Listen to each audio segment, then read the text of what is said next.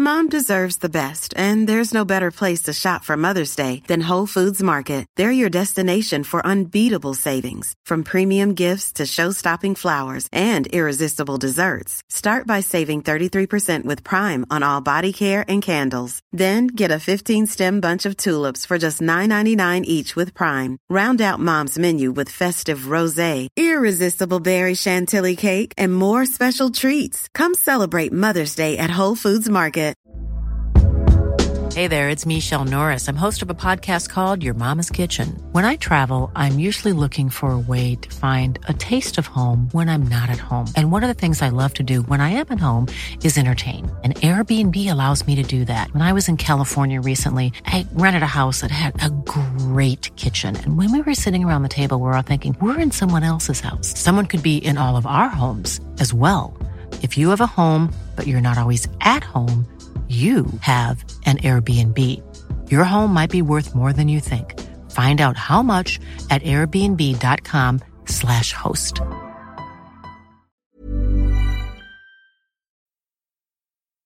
Er du klar for pod, Øystein? Jeg er veldig klar for pod. Jeg føler meg opplagt og energetic i dag. Gjør du det? Ja, ja. Ja. Så bra. Jeg har jo vært på bryllup, vet du. Ja, du, ja, ja, ja. ja. Ja, Jeg har da- sett brudeparet òg, jeg. Ja, det har det, vet du. Det har det. Hadde du med noe bryllupsgave? Nei. Ikke som jeg husker. Nei da, jeg fikk eh, sluppet karosseriet ned på bunnplata. Eller det vil si, jeg løfta jo chassiset opp til karosseriet, for det hang, hang i taket. Ja. Så nå er 46-skallet møtt eh, 46 bunnplata igjen for første gang ja. på lang tid. Ja, Så det var deilig. Det er eh, deilig. Men det her må vi prate litt mer om. Ja Kjøre da. pod, da. Ja, gjør det, vet du.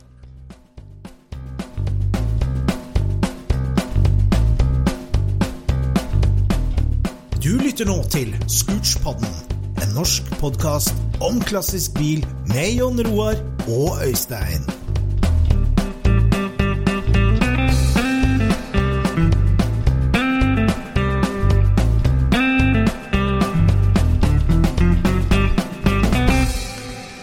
Yes, ladies and gentlemen, velkommen til dagens episode av Scootspodden. Det slår meg, jo, Roar, at jeg har snakka med en del eh, Scootspod-lyttere. Det er veldig artig. Det, vi får stadig kommentarer hit og dit. Og så er det en del folk Nå har jeg drevet og diskutert gammel Porsche-historie med en eh, eldre kar. Som Ja. jeg, jeg først måtte forklare hva podkast var, selvfølgelig. eh, hva en podkast er, og liksom hvordan du kunne finne den og sånn. Og så er det jo det med SC eh, OOCO. Hvordan sier du det naturlig for en nordmann? Det er ikke så lett for alle, i hvert fall eh, når vi kommer litt opp i året. Altså, Scooch er ikke helt uh... Scooch, nei. nei. Det er kanskje litt rart, det. Nei, hvis du, hvis du aldri har sett det skrevet før, så liksom, ja so, Sos? Eller eh, hvordan ser det ut, liksom? Så um, Men Ja, Scootspodden ruller på. Ja, det holder å finne den én gang. Da er det bare å abonnere, så har hun på, på innboksen etter det. Ja. ja, du trenger jo egentlig ikke å si navnet heller så ofte. Du kan bare høre. ja, Men, det er sant. men det uttales jo altså scooch. Og scooch er jo et engelsk ord. Det betyr hvis du kommer til en parkbenk der du har lyst til å sitte med to meters avstand for koronaavstand, og det sitter en fyr midt på parkbenken, så sier du Ja. 'scooch over, buddy', sier du da. Ja. Da må du liksom gli, gli over, betyr det. Får håpe at det ikke er en eldre nordmann, for da skjønner han jo ikke hva du mener. Nei. Han forventer bare det gode gamle flytt, da. Nei. Skubb deg bort. Eh, betyr å, å gli sidelengs, egentlig, på en parkbenk. Ja, egentlig sidelengs. Men vi har jo brukt det til å gli ned. Ja, vi har det. For eh, vi er jo opptatt av eh, Altså Når du er interessert i bil, så er du interessert i alle dimensjonene på bil. Og, Mm. og det her med Vi har snakka om dekk og felg, som er så utrolig viktig for, eh, for enhver bil. Mm. Men det som da vi mener at ofte blir oversett, er jo fyren inni bilen. Hvordan han Dimensjon er, på han. dimensjonen på han. Og det er, jo ikke, det er jo ikke hvordan fyren ser ut, men det er ja, dimensjon, størrelser. Altså du må plassere kroppen din på en måte som passer inn med designet på bilen, rett og slett. Ja, For resultatet er jo egentlig ofte at det blir motsatt av sånn reklametegnerne holdt på. Ja, det blir det. De tegna jo bitte små mennesker i egentlig ganske små. biler. så de så ut som enorme flak. Litt sånn Mens når du putter som oss to, Øystein, inn i en liten Porsche. Da ser det ut som du Det er sånn clown car hvor du bare smugler mennesker inni. Liksom. Sånn, alle ruter er helt fulle av folk. Hadde ønska som reklametegner da, for å si det sånn. Så, så. Nei, det handler, rett og slett om det at det går ikke an å kjøre rundt i en lukka bil der du da ser bare tatovert overarm og ikke noe hode omtrent ut av side, sideruta. Du er nødt til å scooche ned, skli rumpa ned og fram, så du får hodet ditt ned. Og målet ditt er alltid øynene dine skal være midt i frontruta. Da er du på designspekk, liksom. Ja. Eh, Og det er klart, det er det en engelsk bil der kanskje proporsjonene mellom siderute og frontrute er ikke gjennomtenkt. så, så Er det ikke må det du, så må, Nei, det er ofte ikke det. Så da må du ofte kanskje korrigere litt, da. Men, men eh, prinsippet, i utgangspunktet, er eh, øynene dine midt i frontruta. Viktig. Mm. Mm. Husker du eh, Det var en sånn På slutten av 90-tallet så var det en, en Chrysler Cab. Som var ganske var Stratus Cab, er det den het, tror du? Ja, ja, en av de folkebilene deres, da. Eller, Ja, men det, er- det er egentlig en ganske stor bil. Og Ja, så er den ja, ja. litt sånn underlig, sånn at når du legger ned eh, kalesjen på den, så blir den jo fullstendig flat bak der. Den har liksom ingen hump i hele tatt. Ja. Mm, mm. Og når det sitter en, eh, en liten revisor i en sånn og kjører, så ser det ut som en liten mann som sitter på en måte innunder frontruta. Og så ser han ser ut som han kjører en slags takløs uh, pickup, på en måte. Når du ser det rett fra sida, liksom. Det er veldig litt for. Ja, det husker jeg at det var, Altså, jeg har jo alltid tenkt at de, de cabene hvor det taket ikke stikker opp, er liksom Mm. på en måte mest designmessig fullendt, da. Men Mm. problemet er at da har du ikke noe avslutning av kupeen. Nei, det var ikke Og den trenger du egentlig for å liksom Ja, ja. plassere han fyren i forhold til hva det er han sitter i. Han kunne Mm. like gjerne sitte i en svær jacuzzi, liksom. Ja, det, det der er rart. Tenk på en, en Karman-konstruert boblecab òg. Sånn, mange designere vil jo tenke at å ha hele stativet, firkanta stativet hengende utapå ei rund rumpe sånn, ser jo helt latterlig ut. Men det gjør Ja. jo egentlig ikke. Det ser jo dummere ut når du tar den av. Ja, det gjør du faktisk. Det gjør det. Mm. Ja, den, det- den er en, liksom en, en del av designet som bør være der, egentlig. Ja, den er det. Den er det, Så altså. Det, Men se på det med plassering av folk i bil, da. Det slår meg nå når vi snakker om det med forholdet mellom sideruter. For vi har jo snakka om det når vi har vært ute og kjørt lave, små biler. mm. Eh, kjører på autobahn og blir tatt bilde av, og vi sitter og du ser bare overarma i sidevinduet. Du må scooche Ja, ned, sånn at du får hodet der. Men jeg tenkte på så Mercedes 190 SL Roadster. Mercedes 190 Ja, ja, ja, stemmer. Ja. 190 SR Roadster er jo en lekker bil i utgangspunktet. Men du vet, de lagde mm. jo en, eh, en eh, sånn eh, sportslig, eller en sånn SL, eller så Hva het den, da? Ja, de lagde en lettvektsversjon av den, som var bygd for konkurransekjøring. Eh, det er noe Bjarne Koren kommer jo etter oss med Sigden her nå, men han eh, sier oss, at de lagde, Ja. de lagde kanskje 50 stykker, sånt, da, som var en sånn lett. Så det, der er eh, mot, eh, panseret og bagasjerommet i aluminium, og dørene er lagd i aluminium. Mhm. Og der gjør de jo den spesielle featuren at uh, aludørene på racingversjonen er ikke bare lette pga. aluminium, de er jo òg senka ned. Altså de, de har nesten en bøy ned. Eh, Ja, så stemmer. der du, der du hviler armen når du er ute og cruiser, den er 7 cm lavere, rett og slett. Ja, stemmer. Hvorfor, hvorfor gjør de det, egentlig? Den featuren for å få den til å se mer sportslig ut? Det, da ser det jo mer gubb, da.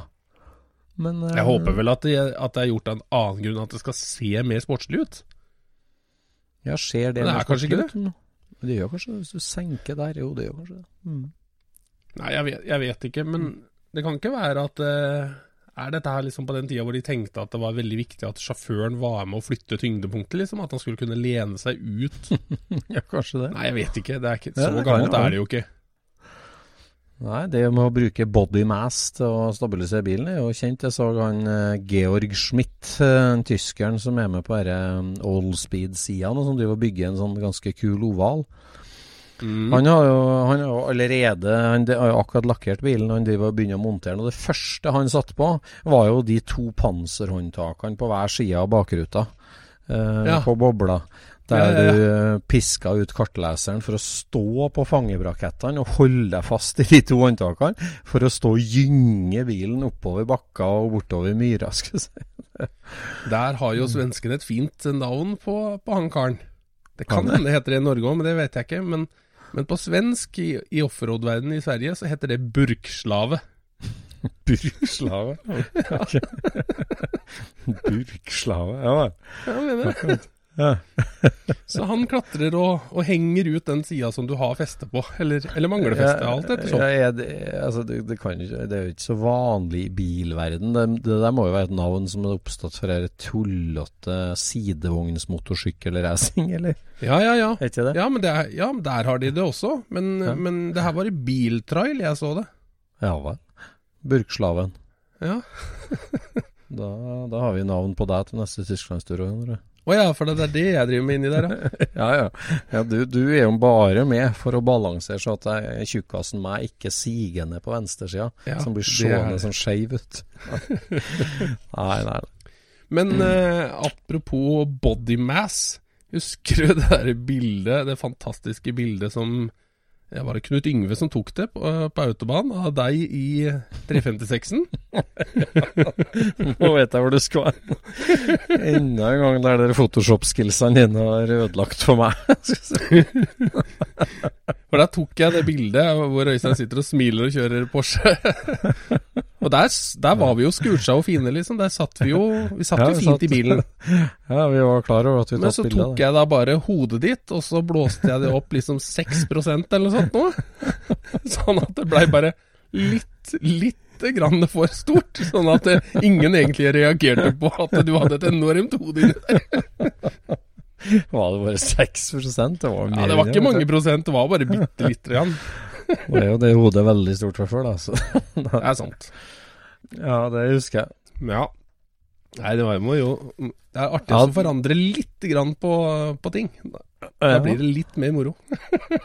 Det er du en mester på, du, rett og slett. Å forandre akkurat nok til at det, at det ser at det er noe, men ikke hva. Ja. Nei, det var tider, ja, det. Nei, men det var, jo, um, det var jo veldig gøy å se dette brudeparet ditt, da. 1946-modell folkevogn som Ja. nå plutselig var grønn. Ja. Hva syns du om det? Hva hva var ærlige meninger om det?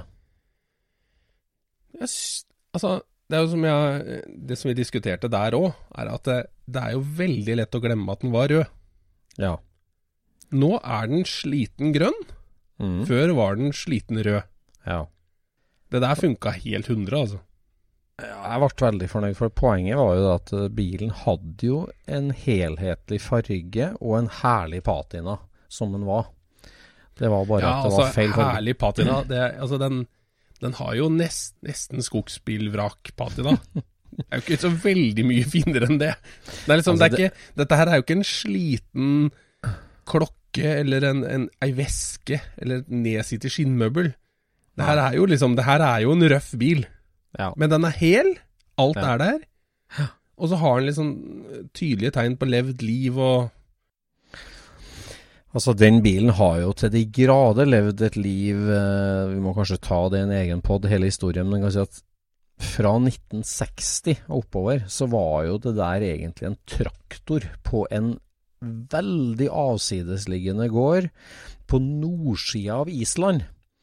ja. Nord, nordsida av Island, det er jo sånn at eh, enten så leier du deg offroad-bil og kjører ei uke gjennom skogen, eller gjennom gjennom Ikke steppene, skogen. eller Nei, hva heter det der da? Steppene? Nei, Det er vidda. Eh, over vulkaner og alt mulig, kjører rett nordover. Ellers så kjører du den kystveien rundt fra Røykjavik. Og den Jeg har kjørt den et stykke før, men å kjøre den da hele veien mot Norge og oppover og inn igjen på nordishavsida av Island, det er langt, altså. Mm. Og, og det, den bilen den levde jo oppi der da, på en avsidesliggende gård sammen med en, eh, en Land Rover. Og var jo reparert med herstråd og det de hadde tilgjengelig på Nord-Island da, på Mm. 60- og 70-tallet. Så, så den har levd et hardt liv, det har den, ja. Mm. Men hvem var det som tok den med seg opp der igjen? Altså, Den bilen ble jo solgt ny til det engelske militæret, som da drev og kontrollerte Tyskland. Altså, vi, i, Nor I Norge så kjenner vi jo helt sikkert alle sammen folk som var med i Tysklandsbrigaden. At vi ble sendt ned til Tyskland for å være med å rydde opp og stabilisere og holde ro og holde orden. Mm. Og det gjorde jo engelske armeen òg, så de var jo stasjonert der med tusenvis av mann eh, etter krigen. Og de kjørte rundt i militærgrønne bobler, mange av dem. Men de ble jo brukt veldig hardt og kjørt av uerfarne soldater som var vant til å kjøre på høyre sida eller venstre sida av veien, og de var høyreratta biler, nei, venstreratta biler. Så det var uvant, så de krasja mye, og de ødela mye og brukte dem veldig hardt. Så de fikk ofte et kort liv der. Så i 1951 så ble den bilen her solgt som uh, brukt bil fra engelske forsvaret. Og da var det en amerikansk soldat som var stasjonert i Tyskland, som kjøpte Ja, sånn den bilen. det. Og han ble da etter kort tid restasjonert til basen på Island, og flytta til Island, tok med seg bilen. Ja. Så Mm. jeg har jo papirer på han eh, at han var tatt inn til Island da i 1951. Ja. Det som er litt rart med den, ja, det er jo at eh, den eh, Altså, jeg er jo sørtrønder og velger jo Altså, jeg elsker jo biler med U-nummer, med U-skilt Mm. fra enbokstavstida fra før 71. Eh, og eh, og eh, elsker biler med U-nummer og prøver å beholde alle jeg har av dem. Eh, og på importbiler så velger jeg ofte U-nummer for å berike den sørtrønderske bestanden av veteranbiler. Ja. Eh, vi har jo en felles venn som kaller meg for ubåt, ubåten av det. Eh, men eh, den, det er i hvert fall det som er altså, Da velger jeg jo U-nummer, da, fordi at det er det Mm. stas. Og det her er jo en importbil, men denne bilens første nummer på Island i 1951, det var da, da, da, da, da, U370. Ja.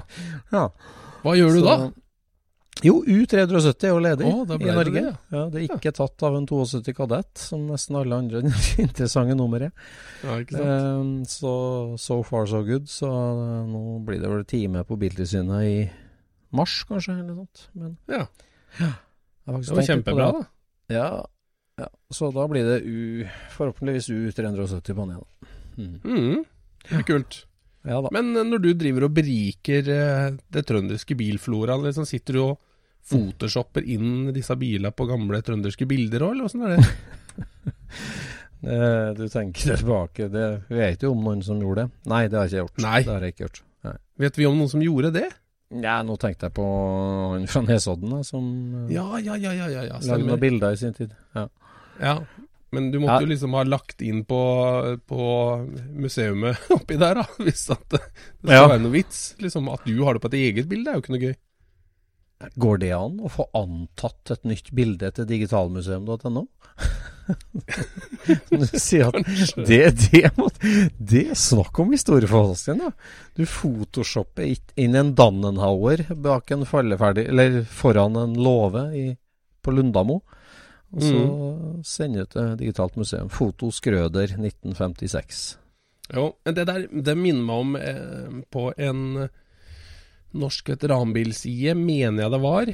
Eh, så var det noen som la ut bilde av et kaiområde i Var Arendal eller Risør eller et eller annet sånt noe? Jaha. Og så var det noen som kommenterte det bildet at eh, bilene var så veldig mye fargerikere før. Ja. Og så satt jeg og kikka litt på det bildet, og det Du ser jo med en gang, det bildet er jo fargelagt. Ja, ja. ja. Det er jo noen som har sittet og fargelagt det bildet. Ja. Og, og da ender det jo ikke opp med to blå biler ved siden av hverandre, eller to hvite, ikke sant? Da blir det jo he helt vilt. Ja, helt vilt. Altså, er det én ting mennesker er dårlig på, så er det jo å lage ting som skal se random ut.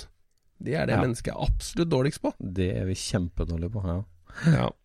Så eh, Og det der minner meg jo egentlig på en ting som jeg liksom Som jeg stusser veldig på. Det er at eh, når folk skal velge farge til en bil, Ja. så velger jo alle den mest populære fargen. Altså den, den bilen Den fargen som var veldig sjelden da, blir jo Mm. ofte valgt nå. Ja. Og det Ja, for- gjør jo at, eh, at når vi prøver å ta historiske bilder, eller sånn, sånne settings hvor det hadde vært kult å kunne ta historiske bilder, så ser du at eh, Å ja, alle biler er jo plum crazy. Mm. Mm. Det ser, det ser rett og slett ikke gammelt og ekte ut. Det der er vel kanskje en fase som er litt over i bilhobbyen, med at uh, det her med tilbake til originallakken og altså I folkevognverdenen så får du fødselssertifikatet, og mange som nå koster på så mye som det har blitt for en lakkjobb, da. Så Ja. det ender jo veldig ofte med å velge originalt, det er jeg enig med meg. Men, Ja, det er sant.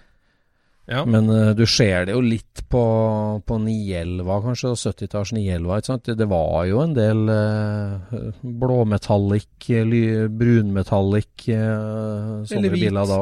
Ja. Eller hvit, ja. Men uh, nå Ja. skal alle være oransje eller grønn eller ja, eh, ikke sant. En, Det sånn blir, det blir mye 70-tallsbil. sånt. Mm. Det er jo liksom en av de tinga som eh, Altså, historisk racing, når du ser på sånne gamle, kule bilder Mm. Så for det første så har de jo sponsorer. Mm. Og bare designet på sponsorene gjør jo at du ser at wow, det her er, det her er gammelt. Mm. Og så har de jo det jeg ville kalle for mer normale farver, og kanskje litt sånn feltlakkeringer og sånt. Nå spørs selvfølgelig hvilke år, år du kikker på, da. Men, men når du ser på norsk historisk racing, så blir det mye grønt og gult og oransje. Og, altså det blir sånn derre Det er sånn fargesprakende da, at det, det ser liksom ikke ekte ut. Nei. Pluss at eh, liksom Superdekk har liksom ikke så kul logo som Gunsson Nei. Gunson Racing i, i Sverige hadde, liksom. Nei, og skal du på en måte bruke bare gamle stickers og gamle logoer, så du velger jo bare de, de kule logoene. Altså det er gull for Mobilhesten og de kule. De, Ja. de, Ja. dem som det helt sikkert var mest, da, som var helt stygge og vanlige. Hansens bilverksted AS, det, Ja. de er ikke like kule, selvfølgelig, men uh... Nei, han svenske tegneren Lørs, vet du. ja. Han har jo laga et Han har gjenskapt alle de klassiske Camaro Cup-sponsorene Jaha, som klistremerker. har de? Han har, han har fått trykt opp alle sammen som klistremerker. Og det er, det er mange, altså. Det er sikkert sånn Ja. 70 stykker eller et eller annet. Oi. Den? Gamle, klassiske Ja, det tror jeg. Ja. Det tror jeg han gjør. Ja.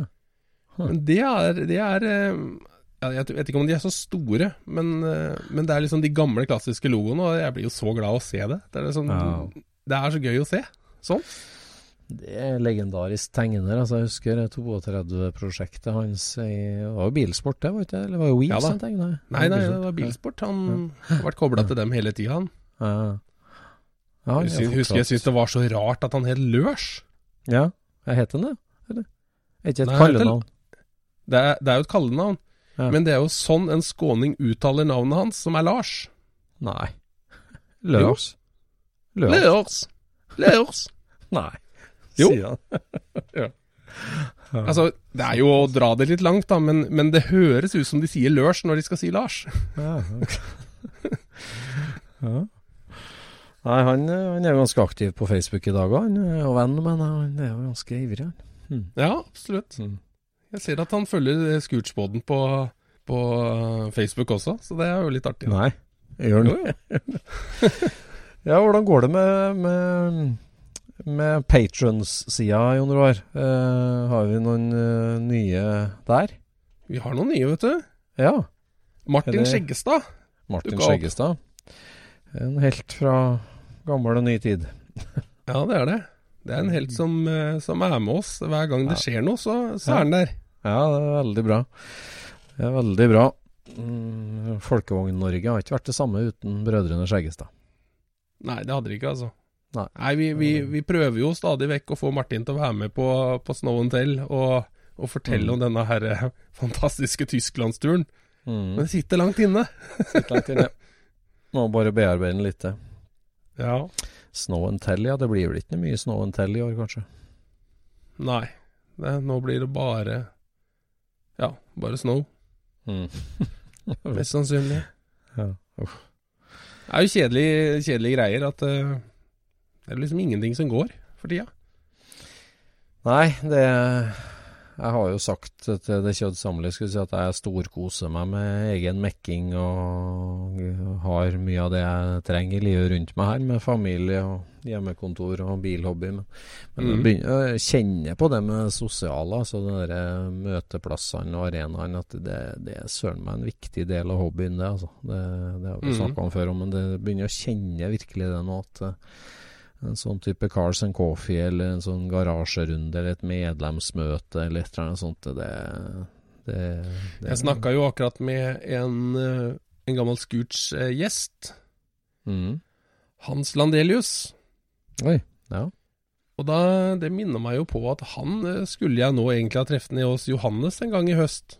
ja. Men det ble det jo ingenting av. Altså det, ja. det har jo bare glidd ut i sanda. Så da Mm. Dino Day gikk jo ut. Mm. Men å prate Ja. litt eh, svensk folkeungtrimming, det er alltid hyggelig på, på høsten sånn. Det, det, savner jeg. ja.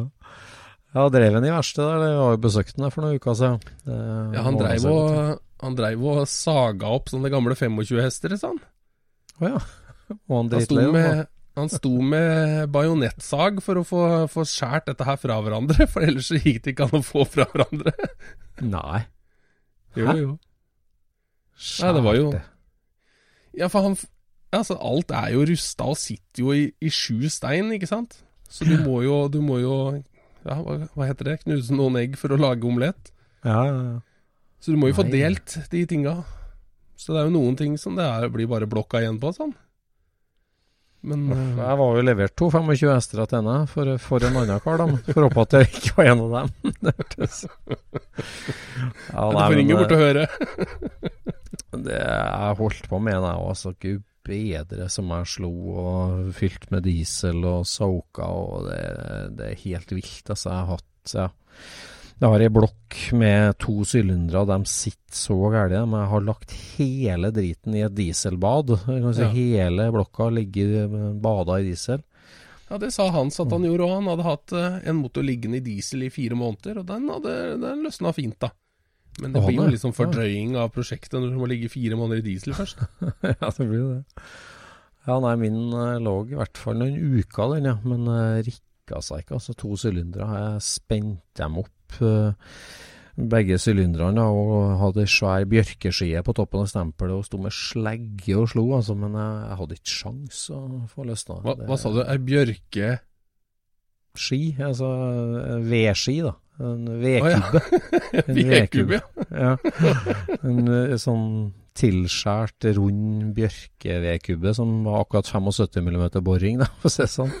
For å få slaget rett på. En hard bjørkekubbe. Han sa det at altså, eh, det første han gjorde, var at han eh, kjente med fingeren om det var vendekant i sylinderen, for hvis det er det, så har han ikke noe å bruke likevel. Så da, da Mm. skjærte han et skår i, i sylinderen, og så sprakk en sylinderen med en meisel, så at han klarte å redde stempelet. Ja, akkurat. Mm. Da, så de har sine triks.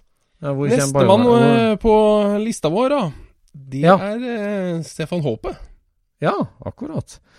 fra Moldestuket. Han starta jo med et lite lyskespark på at vi var for lettvint med Futurelineren, uten det? Jo, det gjorde han. Men Han har, jo, eh, han har jo tydeligvis hørt på lenge, da. Vi elsker Brødrene Hobbit og hele det som Moldestuk-gjengen har fått til og gjort for hobbyen. Det, det Vi må jo vi få veldig med de uh, som gjest en gang. Ja. Og Når der det er det mulig. jo slags brobygging med Corvair òg. Jeg får mer og mer sjansen for Corvair, altså. Det, det er absolutt en av de bilene fra Amerika jeg kunne tenkt meg.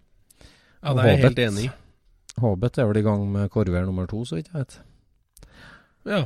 Jeg så det bildet? Han kjører jo norske landbrukshjul da, på en eh, Gen 2-kupé. Det er Nei, veldig, vår, øh, veldig vår ånd. Vi må egentlig snakke mer om den bilen, da, faktisk. For det bildet han la ut var fenomenalt. Så kult. Ja, veldig kult.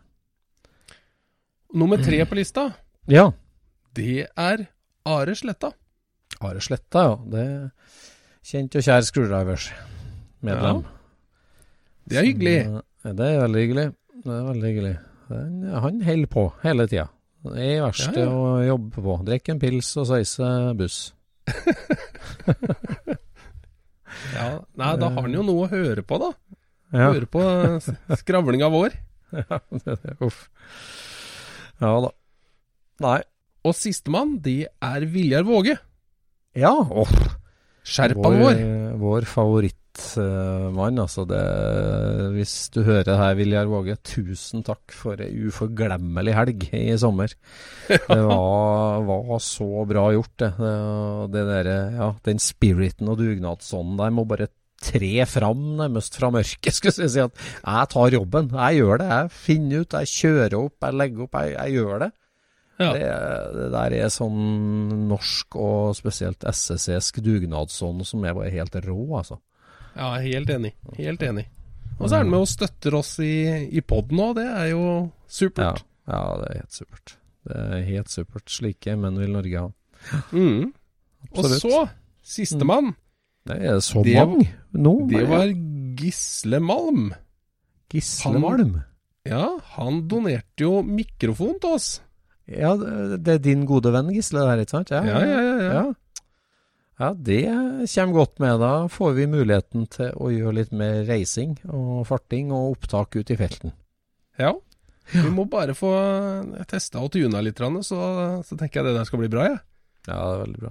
Vi har jo snakka om det, altså ta med oss eh, Vi sa vel det kanskje når vi var ute og reklamerte for uh, Patron-systemet, at vi skal ta med oss mikrofoner og ta noen turer. Ta en Valdres-tur og en eh, ja, ha- Mjøsa-tur og Trøndelagstur og Bergenstur. Og, for å prate med Ja, gjøre noen eh, on the road-intervju for Scootspoden, da. For det vi har litt begrensa aksjonsradius der rundt der vi bor.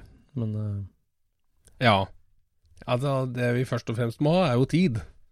Det føles Ja som det her er et, eh, dette er et prosjekt som er sånn helt på kanten av hva vi klarer å få til, egentlig. Det er sant. Det er sant. Så vi, vi, må, vi må liksom satse for å Mm. få gjort disse tinga. Men når det blir litt lysere i været igjen, og, og vi kan ta oss en ordentlig tur, så hadde det vært skikkelig gøy.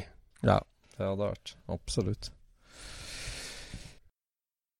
Men Øystein, har jeg noen gang fortalt deg om eh, 66-bobla til Gisle?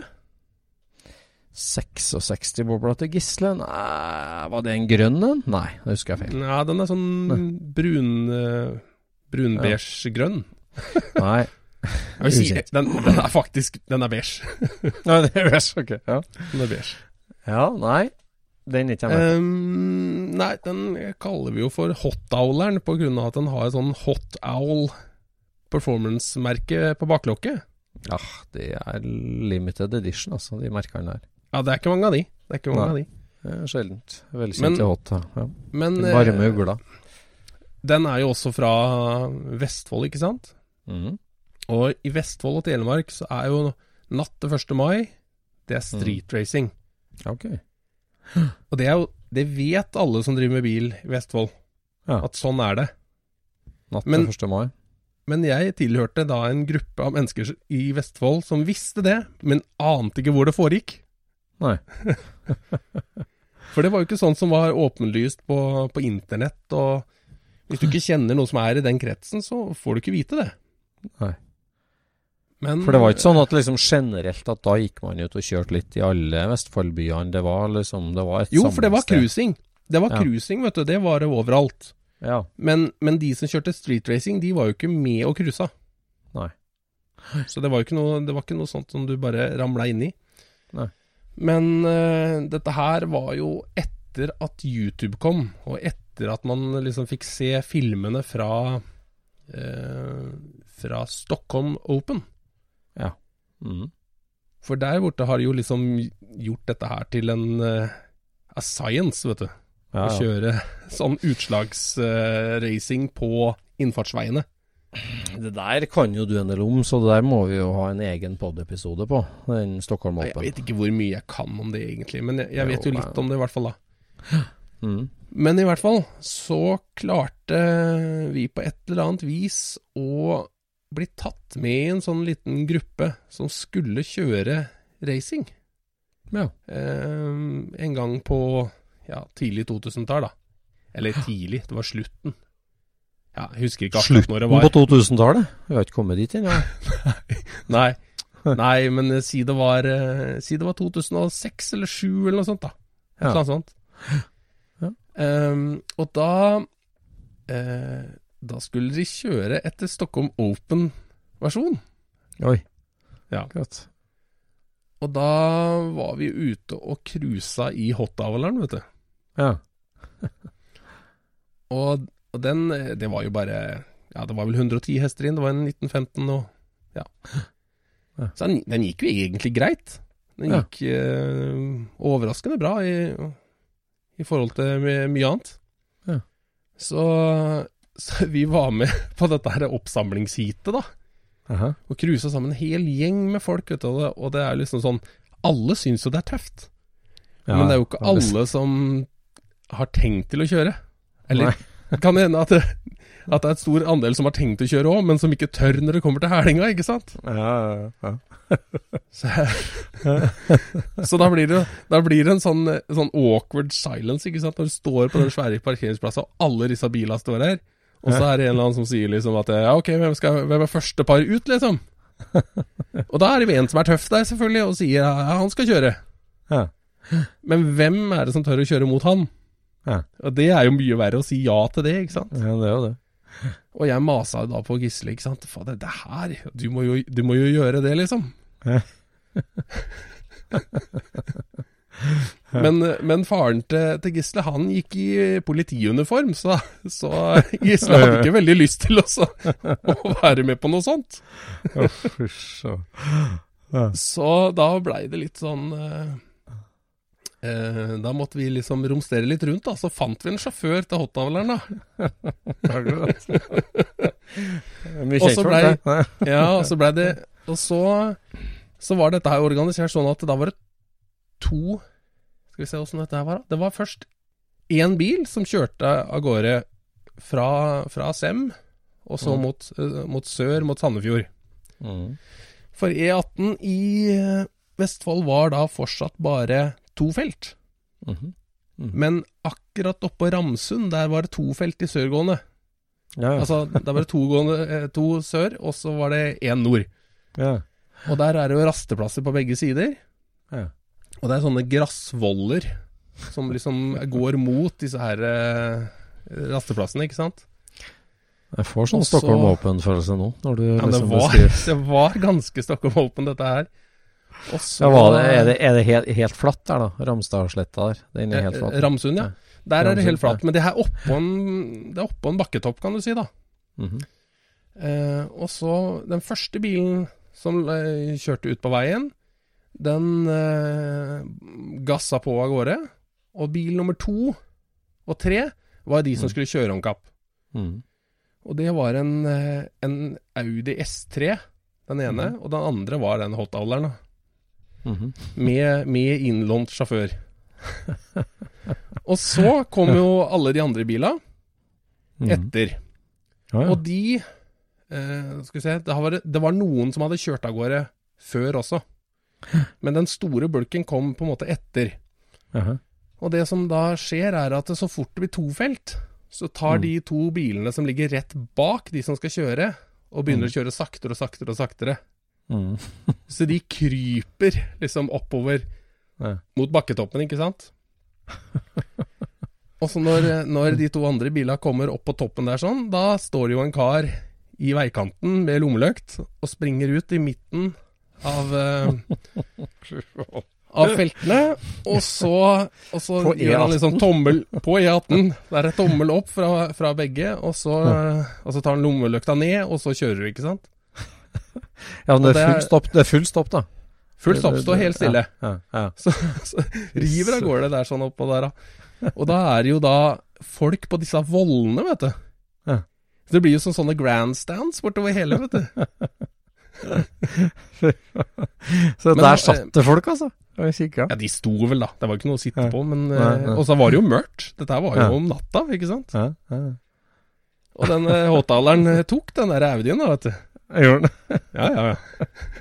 Og så var det oppsamling på et annet industrifelt eh, seinere, da. Og da skulle liksom da, da var det neste par som skulle ut, ikke sant. Og så var det hele runden en gang til. Og det, Ja, så, kom altså, aldri alle- noe alle kom aldri noe bilene politi. det kom, Men så alle bilene hang liksom på det ene paret som skulle kjøre. Altså det var ikke bare parvis, parvis, parvis. eh, Så alle Eh, bilene Nei, men det var, du måtte alltid ha disse her til å bremse trafikken bak, da. Ja, akkurat. Mm. Så jeg vet ikke akkurat åssen det, der, eh, det der fungerte, men, men det blei i hvert fall kjørt Jeg tror det blei kjørt fire race der. Og så tror jeg vel Hotavleren var med etter semifinalen, tror jeg. Var han det? Ja, det mener jeg. Ja, Men det der, da, altså, når du er med på sånt som, som det der, og så liksom ser dette her skjer og sånt noe, da føler du at du lever, altså, Øystein. Ja, det gjør det. Er, det er spennende greier. Det er senere. Og så gikk jo trafikken på sørgående, eller nordgående, vet du. Den gikk jo forbi hva er, de, hva er det som foregår her, liksom? Fullt av folk på hver side veien. Herregud. Ja, det der var crazy, altså. Det hadde jo vært så gøy å vært i, vært i Stockholm og sett eh, Stockholm Open en gang. Altså, det, hadde vært, det hadde vært moro. Ja. Men det er jo, det er jo helt vilt ekstremt, liksom. Det er helt vilt ekstremt, ja. Men det, flytter de løpet rundt omkring der? I Stockholm? Mm, ja, ja. ja. Ja. På samme kveld nå? At du liksom du kjører noen hit der og der, og så flytter den seg, eller er det Nei, de, Eh, de, der er det vel eh, to og to par som kjøres. Altså, de kjører jo Det er jo en stege, ikke sant? mm. Sånn utslag. Og den, Mm. og den er jo all over rundt Mm. hele byen, ikke sant? Ja, sånn. Sånn at det er jo alltid bare ett race et sted. Ja, akkurat. Eller kan det hende de kommer tilbake, men det fall ikke Det foregår ikke ett sted, da, for da hadde det jo vært veldig lett å stoppe dem, ikke sant? Ja. Ja, det der er heftig. Ja, du var, du var litt skjelven da når du holdt på med det der. Og sto på gressvollen og så på, tenkte jeg på. Ja, ja, ja. Nei, det, det- ja, det, det er jo spennende, da. Ja. Så husker jeg det var en sånn Det var en sånn eh, kul sånn eh, Chevy Vega stasjonsvogn. Som, eh, som spant og havna utafor veien og masse greier. Men den var ikke med, den var ikke med i den kjøringa. Men jeg husker det var Det skjedde ting, altså. Etter det så var det jo at de begynte å kjøre på geiteryggen. For det her er, det er jo ikke holdbart, ikke sant? Det går jo ikke an å holde på med de greiene der. Nei, for da ble det street legal-løp, da, ikke sant, på Da ble det street legal. Og der det var Der var jeg sånn, med og eh, kjørte. Der var det boble med Porsche-motor, var ikke jeg som kjørte så fælt? Jo, det var det. Det var i hvert fall det folk sa. Ja. Det var meg. Ja, det var du. Det var du. Du som kjørte. Akkurat. Nei, den bilen må du få sammen igjen. Den må ut uh, herje litt igjen. Den, Ja. ja. ja vi får, eh, får satt sammen den motoren igjen etter hvert, og så mm, ta den med på racing i hvert fall. Ja. Det hadde vært gøy. Den må, Men um, du hadde jo ei dame borte i Stockholm, du. Som vi var og besøkte. jeg hadde ei dame i Stockholm. Nå uh, håper jeg Heidi ikke hører på. Jo da, det, det var ikke sånn. Det var ei elskerinne, men det var ikke din elskerinne. Det er sant. Det er sant. Ja, det er jo en utrolig historie. Vi har snakka om det, at vi må ta litt uh, bilhistorie i Scootspoden. Og, eh, og Sverige er jo et utrolig land, vet du. Uh, bilmessig land, det har vi jo snakka om før òg. Og historien om uh, Ja, hun dama, jeg og du var og besøkte ei gammel dame som bor alene i ei lita leilighet i Stockholm Mm. som heter Hanna. Eh, veldig hyggelig gammel dame som har en ganske utrolig historie å fortelle. Mm. Og historien om Hanna eh, har vi tenkt vi skulle ta, og den eh, historien starter jo egentlig da eh, helt tilbake til rett etter krigen i Tyskland. Eh, Mhm. Eller i, i Sverige, unnskyld, Sverige. Da er jo Scania Vabis, eh, som eh, da produserte biler før krigen, og lastebiler da utover etter krigen. De skulle utvide og, og ville ha agenturet på folkevogn. Eh, Mm. Scania Vabis eh, de, eh, var en av de aller første utenlandske agentene som reiste til Wolfsburg når, ennå mens engelskmenn styrte fabrikken. Og Heinz Nordhoff, det første tyske sjefen, tok jo over da i starten i 49. Mm. Men allerede da på slutten av 47, tidlig 48, så var Scania Vabis ned til Wolfsburg og forhandla seg forhandlerkontrakt eh, for folkevogn til Sverige. Ja. Og, Tidlig på'n, da. Veldig tidlig på'n. Eh, og de bestilte eh, 100 biler i 1948 som de skulle ha oppover og selge i Sverige. Det var de første. Eh, og så skulle de da få hjem tre biler først, som skulle eh, premierevises da i Sverige, og som de også skulle ha til svenske bilprovningen for typegodkjenning av folkevogna. Ja. De måtte ha typegodkjenning for å få lov å selge den. Mm. Og de tre bilene bestilte dem i tre farger. Det var en svart og en burgunder rød og en blå Ja. som de bestilte nede. Og så dro de ned til Wolfsburg og henta de tre første showbilene, og så skulle de kjøres på hjula fra Wolfsburg helt opp til Södertälje, hovedsetet til Hovedkontoret, Vabis. Mm. Og øh, det der skulle bli en gigantisk eh, reklametur. De skulle kjøre snirkla seg oppover Sverige, de skulle innom masse forhandlere, og de skulle vise fram den nye, rare, runde tyske folkebilen til det svenske folket. Og da trengte de en type til å være liksom prosjektleder for det der, å få hjem de tre bilene, og, og, og være eh, ble jo da senere hetende markedsdirektør for folkevogn i Sverige. Ja. Og øh, han han øh, den jobben, og da fant de en kar som, som var en veldig profilert forretningsmann og bilentusiast i Stockholm, som het Bertil Dymling. Mm. Bertil Dymling var en, en stor og røslig sånn alfahann, får en si. Eh, Ja. som, eh, som var en eh, veldig sjarmerende type, en blid type, og, og en typisk sånn reklamemann. En god bi- bruktbilselger, for å si det sånn. Ja.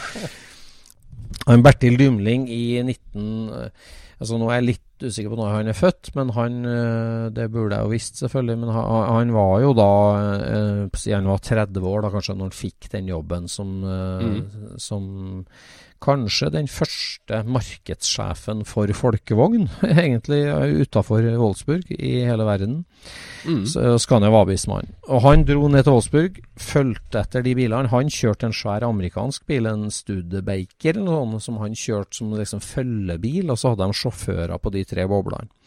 Ja. Jobba seg oppover, og det der ble en kjempesuksess. Folk strømma ut i gatene for å se den rare tyske bilen. Og, og det var introduksjonen til folkevogn da i, eh, i Sverige.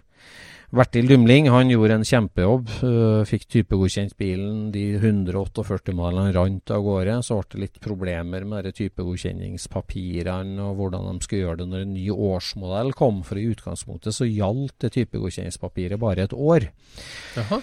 Og så krangla de litt da med, med bilprovningen om de måtte på en måte vise 49-modellene på nytt for en ny type godkjenning, om de kunne kjøre på den gamle. og Det gjorde at 49 ble et litt sånn humpete år for folkevogn. Men fra 1950 i Sverige så tok det jo helt av.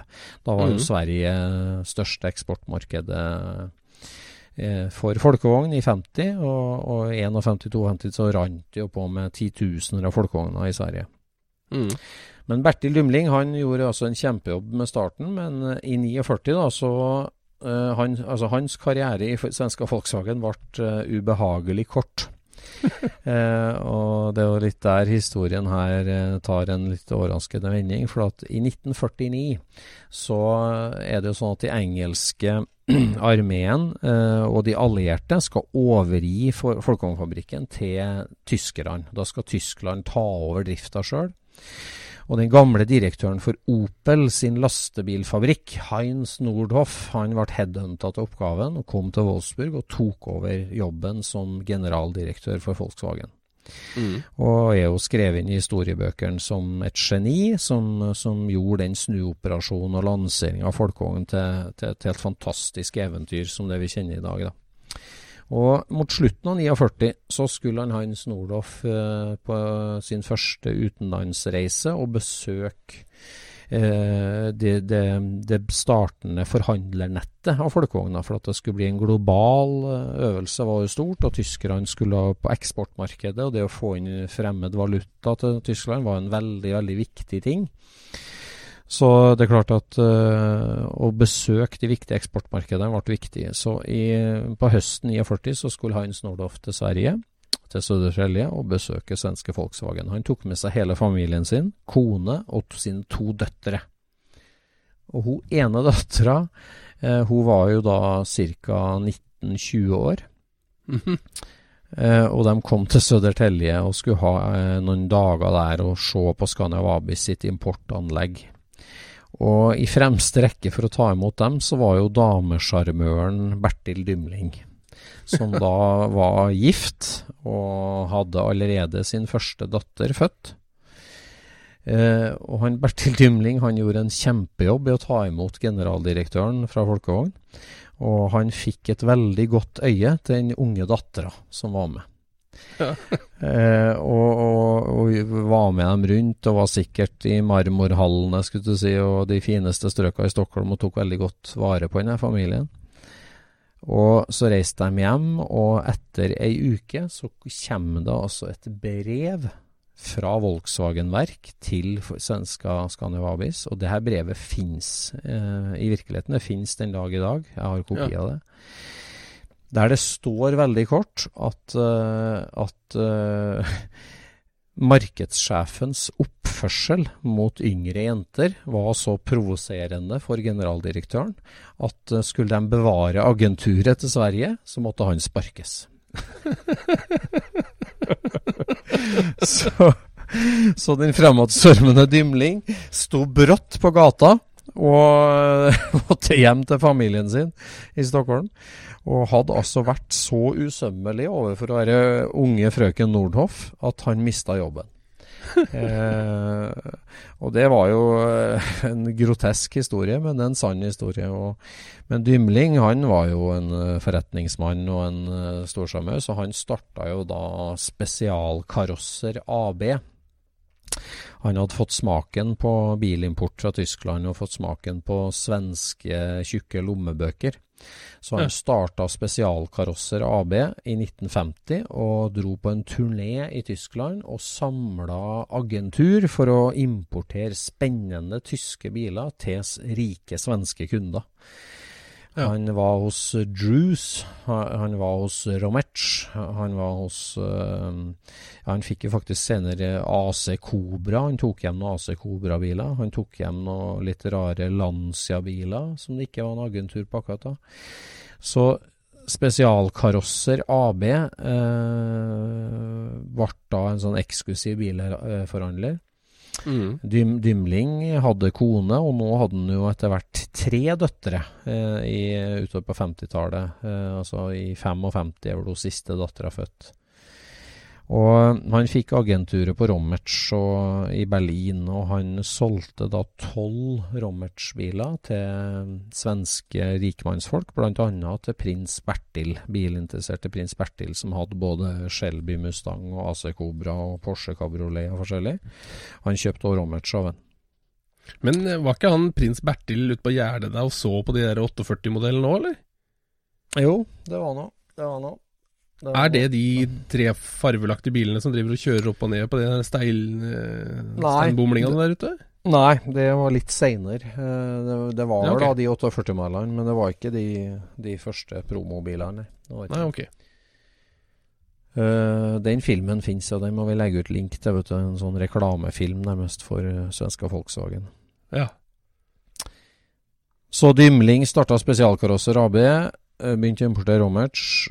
Ofte da så reiste han til Berlin og henta Rommertz-bilene og kjørte dem hjem, eller eh, var og så over dem, at de var gjort etter riktig bestilling og forskjellig sånt. Og på en av de turene da i 2.53 ned til Rommerts, og han var og besøkte Rommertsfabrikken, og så havna han på bar på, på, kvelden. Og i den baren så jobba unge frøken Hanna. Skal ikke nevne etternavn.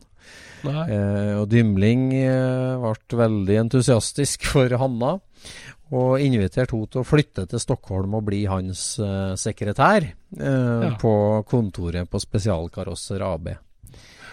Og hun fulgte med og ble med han på heisatur hjem til Stockholm. Og han kjøpte ei lita leilighet til henne, og hun jobba som uh, sekretær i firmaet. Og hun jobba som modell på alle brosjyrene og bildene de laga, promobildene.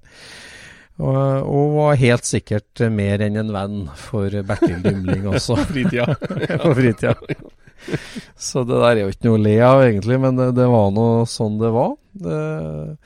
Og, og, etter å ha solgt en del Romertser, stort sett kabrioleter, så eh, i eh, høsten 1954 så bestilte han en kupé, eh, en Romerts med tak.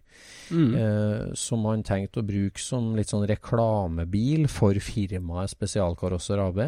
Og den bilen ga han i gave til sin sekretær-elskerinne, eh, mm. Hanna. Så Hanna, Hanna, hun fikk den bilen og ble registrert på henne. Og når den var ferdigbygd, så reiste de ned med tog til Berlin og, og henta den bilen. Mm. og en kabriolet, som var en kundebil. Og så kjørte de begge de bilene i følge, da, Hanna og Bertil, oppover til Stockholm. Og da, for å forberede den eh, kupeen til litt racing og reklameøyemed kjøring, så stoppa de hos forhandleren Raffai i Hamburg og bestilte ja. ombygging til Porsche-motor og Porsche-instrument i bilen. Så de ja. satte i en 356-motor med omtrent dobbelt så mye hester som den originale 30-hesteren og kjørte hjem til Stockholm. Ja. Og, eh, og, da er det jo flere bilder av den bilen rundt om, som på reklameshow og bilutstillinger. Hun kjørte Vestkustrallyt, som var et sånt landeveisrally nord for Gøteborg, Hun kjørte i 55 og 56 med bilen. Nei, sør for Gøteborg er det. Sør for Gøteborg, ja. Mm. Uh, og hadde den bilen helt fram til 1962, da den ble solgt videre. Og så har den jo vært gjennom mange eiere. Mm. Den bilen før jeg kjøpte den da i Sverige for 15 år siden omtrent. Ja. Eh, tok den hjem til Norge. Gjorde, den var, var litt krasja og en gammel restaurering som måtte rettes opp litt på. Og ny motor, nye bremser. Fikk den i orden igjen. Mm. Og brukte, brukt den, den, bilen veldig mye. Den er jo i fin, hyggelig stand og aldri vært et sånt skikkelig vrak, liksom. Og så var det jo det da at ringen ble litt slutta når jeg fant ut at Hanna fortsatt levde. Og hun mm. Hanna, hun så ringte jeg til henne og snakka med henne og sa ja, det, det, der er en gammel tid og en svunnen tid. Det, det, var hyggelige minner, men jeg har liksom ingenting å tilføye nå. Eller det, den tida er over, liksom. Så sa jeg at jeg har lyst til å komme og besøke deg og, og, og, og vise fram bilen og sånn. Nei, men det er ingen vits i det. Jeg er bare gammel kjerring nå, liksom. Det er ikke noe vits i å gjøre det. Og, jeg prøvd i mange år, og hadde lyst til å besøke og ikke altså, få, få et bilde. Jeg har jo et bilde av henne når hun var 22 år. Står ved siden av en, en, en da, som var et reklamebilde. Og så sier jeg at uh, nei, jeg må få komme og besøke deg. Nei, det var ingen vits i det, liksom. Altså, nå hadde ingenting, og det var ikke noe Og så var det jo sånn at jeg og du dro på Bøglen med den bilen i, på Tierp. Mm. Mm. Hva kan det være? Det er fem år siden? Sju år siden? Ja. ja, det er nok ja, noe mellom der, tenker jeg. Ja. Så dro vi dit, og så visste jo jeg adressa hennes. Tenkte jeg nå skal vi dra og besøke henne. Og så kjørte vi til den adressa, parkerte i gata, og så ringte jeg på telefonen til henne. Og så sier jeg Hanna, kan ikke du gå ut på verandaen og bare se på bilen din? For nå står vi her. Kom ut og se på den. Bare se på verandaen. Så nei, er du gal, liksom, er du her virkelig? Nei, da kommer jeg ned, da kommer jeg ned, sa Og så kom hun ned og ut, og Hanna. Ja. Det var, det var kult, Jon Rar. Ja, det var veldig kult. Det var det. hun syntes det var moro. Hun syntes det var moro, vet du. Syntes det var kjempeartig. Hun gikk rundt bilen hun satte seg inn bak rattet og spurte om hun ville være med på en prøvetur, og satte seg i passasjersetet. Det som var så kult, var jo at hun kom jo ned med en bærepose full av papir og bilder. Eh, og Ja. så satt, satt vi oss på en parkbenk der, så begynte vi å ta opp gamle bilder av Rommertsa. Det var sort-hvitt-bilder fra hennes liv med Bertil og, og bilene, og det var noen brosjyrer, og det var en del eh, eh, Ja, det var egentlig det. Det var noen brosjyrer, og det var de sort-hvitt-bildene. Mm. Og jeg begynte jo å ta bilder av alle de bildene, og så sier hun nei, nei, nei, alt dette er ditt. Alt dette er ditt. Det er alt jeg har funnet. Det har, jeg har ingen interesse av det lenger. Jeg skal snart dø, gammel kjerring. Du tar alt sammen, tar alt sammen. Så fikk jeg med meg hele den posen. Det var helt Det var helt, det var helt vilt. Ja. Det var, altså. Ja, det er moro. Ja, det der er ekte bilhistorie som på sitt beste. Og nå er den også uregistrert. Ja, det er uregistrert. Uregistrert. Ja, uregistrert. den har jo endelig fått tilbake motoren sin, Porsche-motoren sin, så den, eh, den er tipp topp, den. Så det var mange år siden jeg snakka med Hanna, så mulig vi må sjekke opp igjen hvordan det går. Ja. Mm. Nei, det var jo en bil vi skurtsa til Tyskland i òg, det der. Ja, vi skurtsa med den. Det jo helt suveren bil å scooche i. Breie, store rødsetter. Mm. Mhm. Sånn er det. Det er turene som teller, og historiene som teller. Er Absolutt. sikkert. Ja, så historier og liksom sånn Delehistorier òg. Altså, Ja, det er jo noe med det. For det er jo det, det ser vi jo på, på mange av kommentarene, at når, når vi er liksom innom et tema, Mm. så frisker det opp noen minner her og der, og så, så får vi noen telefoner da med, med liksom ting hva folk har kommet på, ikke sant. Og de, de syns det er gøy. Altså, nostalgi er gøy. Mm. Ja, nostalgi er gøy. det. er det. Jeg så jo Petter Stordalen her, og jeg gikk helt i fistel over en sånn Apache-sykkel. Det var Var veldig gøy å se. Ja, ja, for at han hadde, spa, han hadde solgt jordbær og greier en hel sommer for å få kjøpt seg Apache-sykkel. Og så har han lag, lagt ut en, en liten filmsnutt da, hvor at han eh, møter en gutt som har eh, kjøpt en Apache-sykkel, og kanskje til og med det var akkurat den, det skjønte jeg ikke helt, men, men i hvert fall han var ordentlig gira over den Apache-sykkelen, og kunne liksom detaljene da. Virka det som for meg, for jeg kan ikke de så godt, så, Nei. Ja. men han var liksom, han var på ballen altså. Ja, Så det er litt gøy. Nostalgi, det er moro for de fleste. Ja, det er det, altså. Fattig eller er det. Det er sånn, det. Nei, det er kult med nostalgi, og det er kult med, med historie, og det er jo det Scootspoden er til for, egentlig. Å dele norsk bilhistorie og norske bilhistorier. Og inspirere. Ja. Den første og største bilhobbypodden om hobbybil. Ja. Jo, da, vi er jo det. Og så er det som å si da, at hvis du eh, liker å høre på Scootspoden, så har du helt sikkert en venn som liker å høre på Scootspod. Så Mm. tips en venn om Scooch, og det uttales Scooch. Scooch. Ja. Ja. ja. Nei, men uh, vi er på Instagram som Scootchpod, og Ja. på Facebook som Scootchpod. Ja. Så der er det bare å, å komme seg inn og, og kikke. Så legger vi ut litt bilder av ting vi har prata om, og ja, litt sånn forskjellig. Og der, eh, der er det jo anledning til å kommentere og Ja, ja. Send oss en melding. Vi, vi har fått mye meldinger. Vi syns det er veldig artig å, å få innspill på hva vi skal snakke om, og hvor vi skal reise hen. Ja. Ja. Og så er det bare å søke oss opp på Patrion også, hvis du har lyst til å være med og donere til prosjektet. Ja. Det kommer godt med. Ja. Yes, da må vi ut og skru. Nå må vi skru. Vi snakkes! Takk for i dag.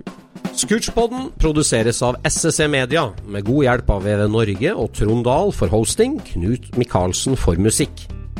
Abonner på Scootspod via podcaster eller Acast, og følg Scootspod på Instagram og se det vi snakker om. Der kan du også komme med kommentarer og innspill, og fortelle oss hva du vil høre om.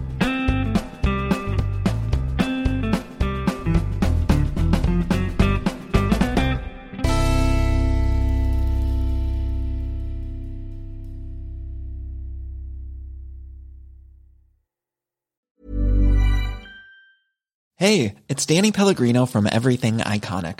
Ready to upgrade your style game without blowing your budget? Check out Quince. They've got all the good stuff shirts and polos, activewear, and fine leather goods, all at 50 to 80% less than other high end brands. And the best part? They're all about safe, ethical, and responsible manufacturing. Get that luxury vibe without the luxury price tag. Hit up quince.com slash upgrade for free shipping and 365 day returns on your next order. That's quince.com slash upgrade. Mom deserves the best, and there's no better place to shop for Mother's Day than Whole Foods Market. They're your destination for unbeatable savings, from premium gifts to show-stopping flowers and irresistible desserts. Start by saving 33% with Prime on all body care and candles. Then get a 15-stem bunch of tulips for just $9.99 each with Prime. Round out Mom's menu with festive rosé, irresistible berry chantilly cake, and more special treats. Come celebrate Mother's Day at Whole Foods Market.